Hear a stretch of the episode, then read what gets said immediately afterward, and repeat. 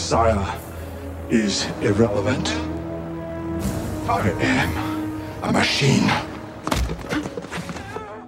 Drönare med ansiktsigenkänning som då kan leta upp, upp ett speciellt mål eller minor som ska kunna känna skillnad på, som säger att de kan känna skillnad på militärer eller på civilbefolkningen. You don't need to worry. The robots are not going to take over anytime soon. Unga soldater byts ut mot drönare och robotar som styrs av artificiell intelligens. Forskare varnar för att dödliga autonoma vapen hotar att bli den tredje revolutionen i krigsföring. Vad händer om en maskin lämnas att besluta vem som ska leva och vem som ska dö i krig? Hasta la vista, baby.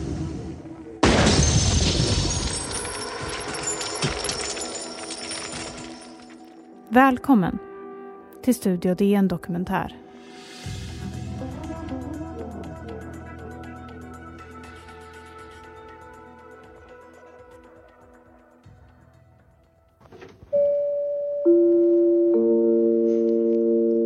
kommer uppgifter från människorättsorganisationen Human Rights Watch om att Ryssland ska ha använt sig av en kontroversiell typ av minor under kriget i Ukraina.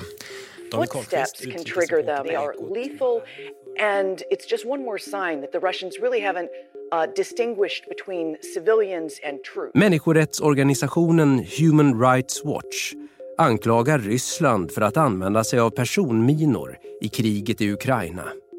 Enligt tidskriften New Scientist har det förekommit påståenden om att minorna är utrustade med artificiell intelligens som kan skilja på rörelsemönstret hos en soldat och en civilperson. Men vapenexperter som tidskriften har talat med menar att det inte är möjligt. Ja, det finns ju ingen direkt entydig definition, men det man menar är vapensystem som har någon form av artificiell intelligens det här är DNs vetenskapsredaktör Maria Gunther som har skrivit om hur artificiell intelligens används i krig. Och som då fattar, kan man säga, fattar beslut då, utan mänsklig inblandning. Alltså att väljer ut själv vilket mål de ska attackera till exempel. Det kan finnas många användningsområden för robotteknik och artificiell intelligens i krig och väpnade konflikter. Som små självkörande robotfordon och drönare som söker av minfält för att hitta och desarmera landminor. Men AI i krig kan också leda till etiska dilemman.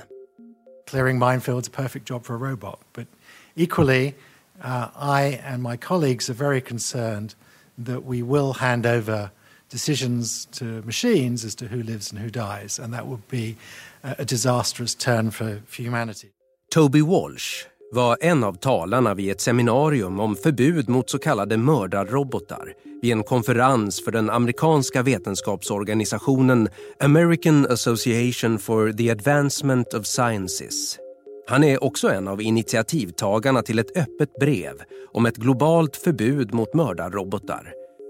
Dödliga autonoma vapen hotar att bli den tredje revolutionen i krigföring, står det i brevet. Fundamental moral ethical issues that they will cross a red line if we hand these decisions to machines because machines do not have the moral capability today, or I suspect ever, to be able to take these sorts of decisions.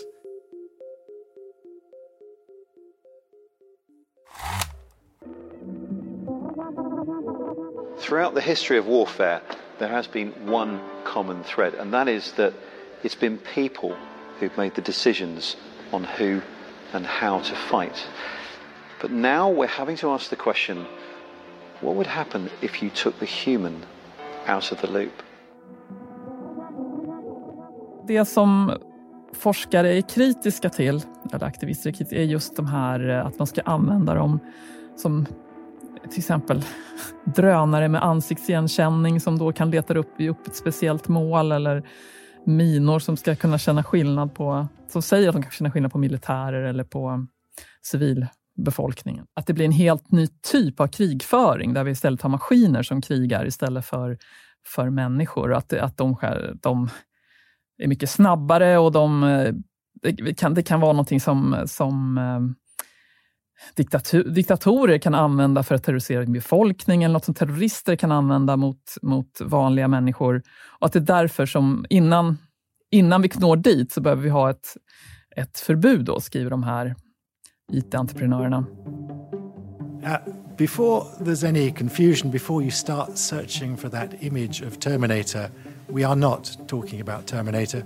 We're talking about much simpler technologies that are at best a few years away. In fact, many of which you can see under development today in every theatre of the, of the war. In the air, autonomous drones. Uh, on the sea, autonomous ships that can cross the Pacific. Um, under the sea, fully autonomous submarines that can cross the Pacific. Uh, and on the land, autonomous uh, vehicles like uh, Russians, Russia's MK25 autonomous tank. Argument som att autonoma vapen är humanare än att skicka ut unga soldater på slagfältet eller att de minskar riskerna för civilbefolkningen håller inte för en närmare granskning, menar Toby Walsh. Those arguments don't hold up to much scrutiny and there are many more arguments against uh, the use of autonomous weapons, that they will change the spe speed and duration of warfare. They will be a step change uh, in the way we fight. It's been called rightly so the third revolution in warfare. Den här frågan har varit uppe för diskussion i FN, där de folk som driver då ett förbud mot de här. Den var uppe senast i december förra året, tror jag.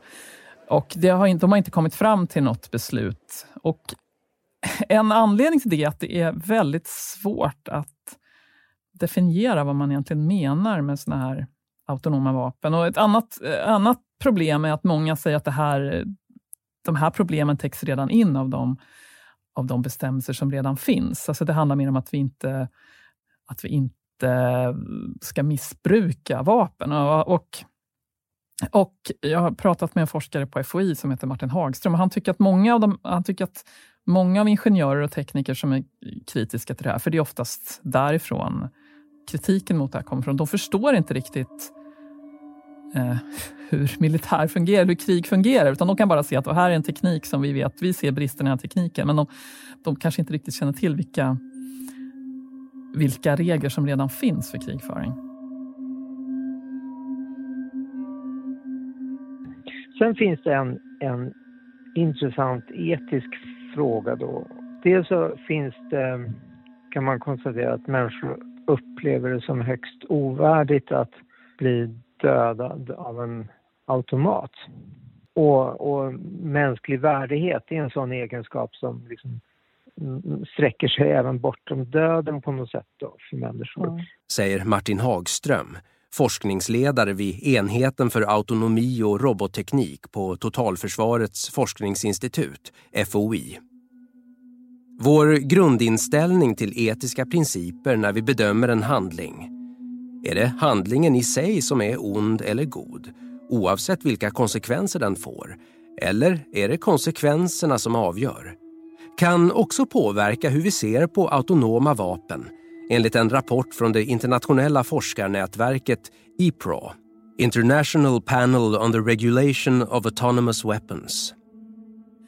Det finns undersökningar som har gjort också att det här eh, Alltså det kan vara vilka grundläggande etiska principer som vi själv har som gör hur vi ser på det här. Alltså om vi mer tror att eh, om, så här, konsekvensetiker eller pliktetiker, liksom, att om man, om man ser att en handling är god eller ond i sig, då, då, oavsett vilka konsekvenser den får, då är man oftast mer negativ till, till att en att, de, att en dator kan avgöra vem som ska dö eller vem som ska leva. Men eh, sådana människor som är mer konsekvensetiska, då, de, kan, de kan ofta vara lite mer positiva till den här tekniken också.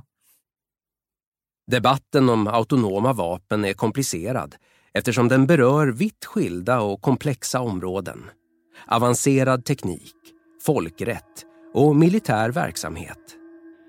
Det är få som behärskar alla de här tre perspektiven. Eh, det är så att säga, vetenskaps, vetenskapare och ingenjörer de, de förstår tekniken, viss del i alla fall, eh, och folkrättare förstår ju folkrätt och, eh, och ibland en del militär saker för det ligger rätt nära. Men det är få som förstår allting. Ett problem som han ser är att ordval och språkbruk kan leda till missförstånd. Man, man pratar ju om teknik som, som beslutar eller tänker. Eller, ja, alltså man förmänskligar. När man, när man beskriver komplicerad teknik så är det väldigt praktiskt att beskriva det i, i, i mänskliga termer. Och det gör att det uppstår också ganska många feltolkningar eller missförstånd kan man säga. När, när, när diplomater ska försöka förstå vad, vad gör AI för någonting då? Så tillskriver man ofta eller antar egenskaper som kanske inte stämmer då. Och motsvarande när ingenjörer ska ja, tänker sig, ja men militärer, hur ska de kunna använda den här komplicerade tekniken? Så, så kanske ingenjörerna då, som är, eller teknikerna som är duktiga på AI eller autonoma system, de, de har kanske inte alltid kunskap om att militära operationer följer ju ganska noggranna i förväg uppgjorda planer och det som heter metod på svenska som heter procedur på engelska. Och så här. Men det, man gör ju inte saker hur som helst. Det gäller även frågan om ansvar. I en militär konflikt är det alltid kristallklart vem som är ansvarig. Det finns alltid en ansvarig befälhavare som har gett order om våldsanvändning, säger Martin Hagström. Själva ordet autonom kan också leda till förvirring. För att om man ska förbjuda något eller reglera någonting så måste man ju ha någon definition för det. Och jag påstår att det går inte att hitta en definition ur ett tekniskt perspektiv. Ja, dels så går det inte att skilja på autonom och automatiskt tekniskt sett då, för det är ju samma sak. Det är bara olika ord. Vi, vi säger autonom därför att det låter lite bättre så där. Lite mera, lite mer, mindre begripligt. Medan ja, jag argumenterar för att definitionen måste ske på något sätt implicit. Vad är det man får göra? Vilka resultat vill man inte ha då? Debatten handlar om system som kan komma i framtiden. Men sådana är svåra att förbjuda. Menar, autonoma system i meningen målsökande robotar, det har ju funnits i 70 år. Ja. Eh, och, och ja, sjöminor och sånt där har funnits i över 100 år. Och, och, och någonstans är ju de helt autonoma då. Internationell rätt och de regelverk som redan finns kan även innefatta autonoma vapen, menar Martin Hagström.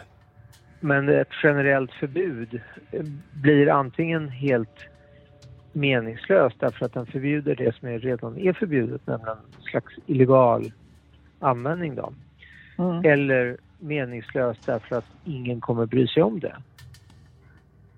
Jag tror att det kan komma regler, liksom mer detaljerade regler, som vad man får göra och inte får göra liksom enligt internationell rätt. Och, eh, men alltså att de här systemen utvecklas, det råder ingen som helst tvekan om, skulle jag säga.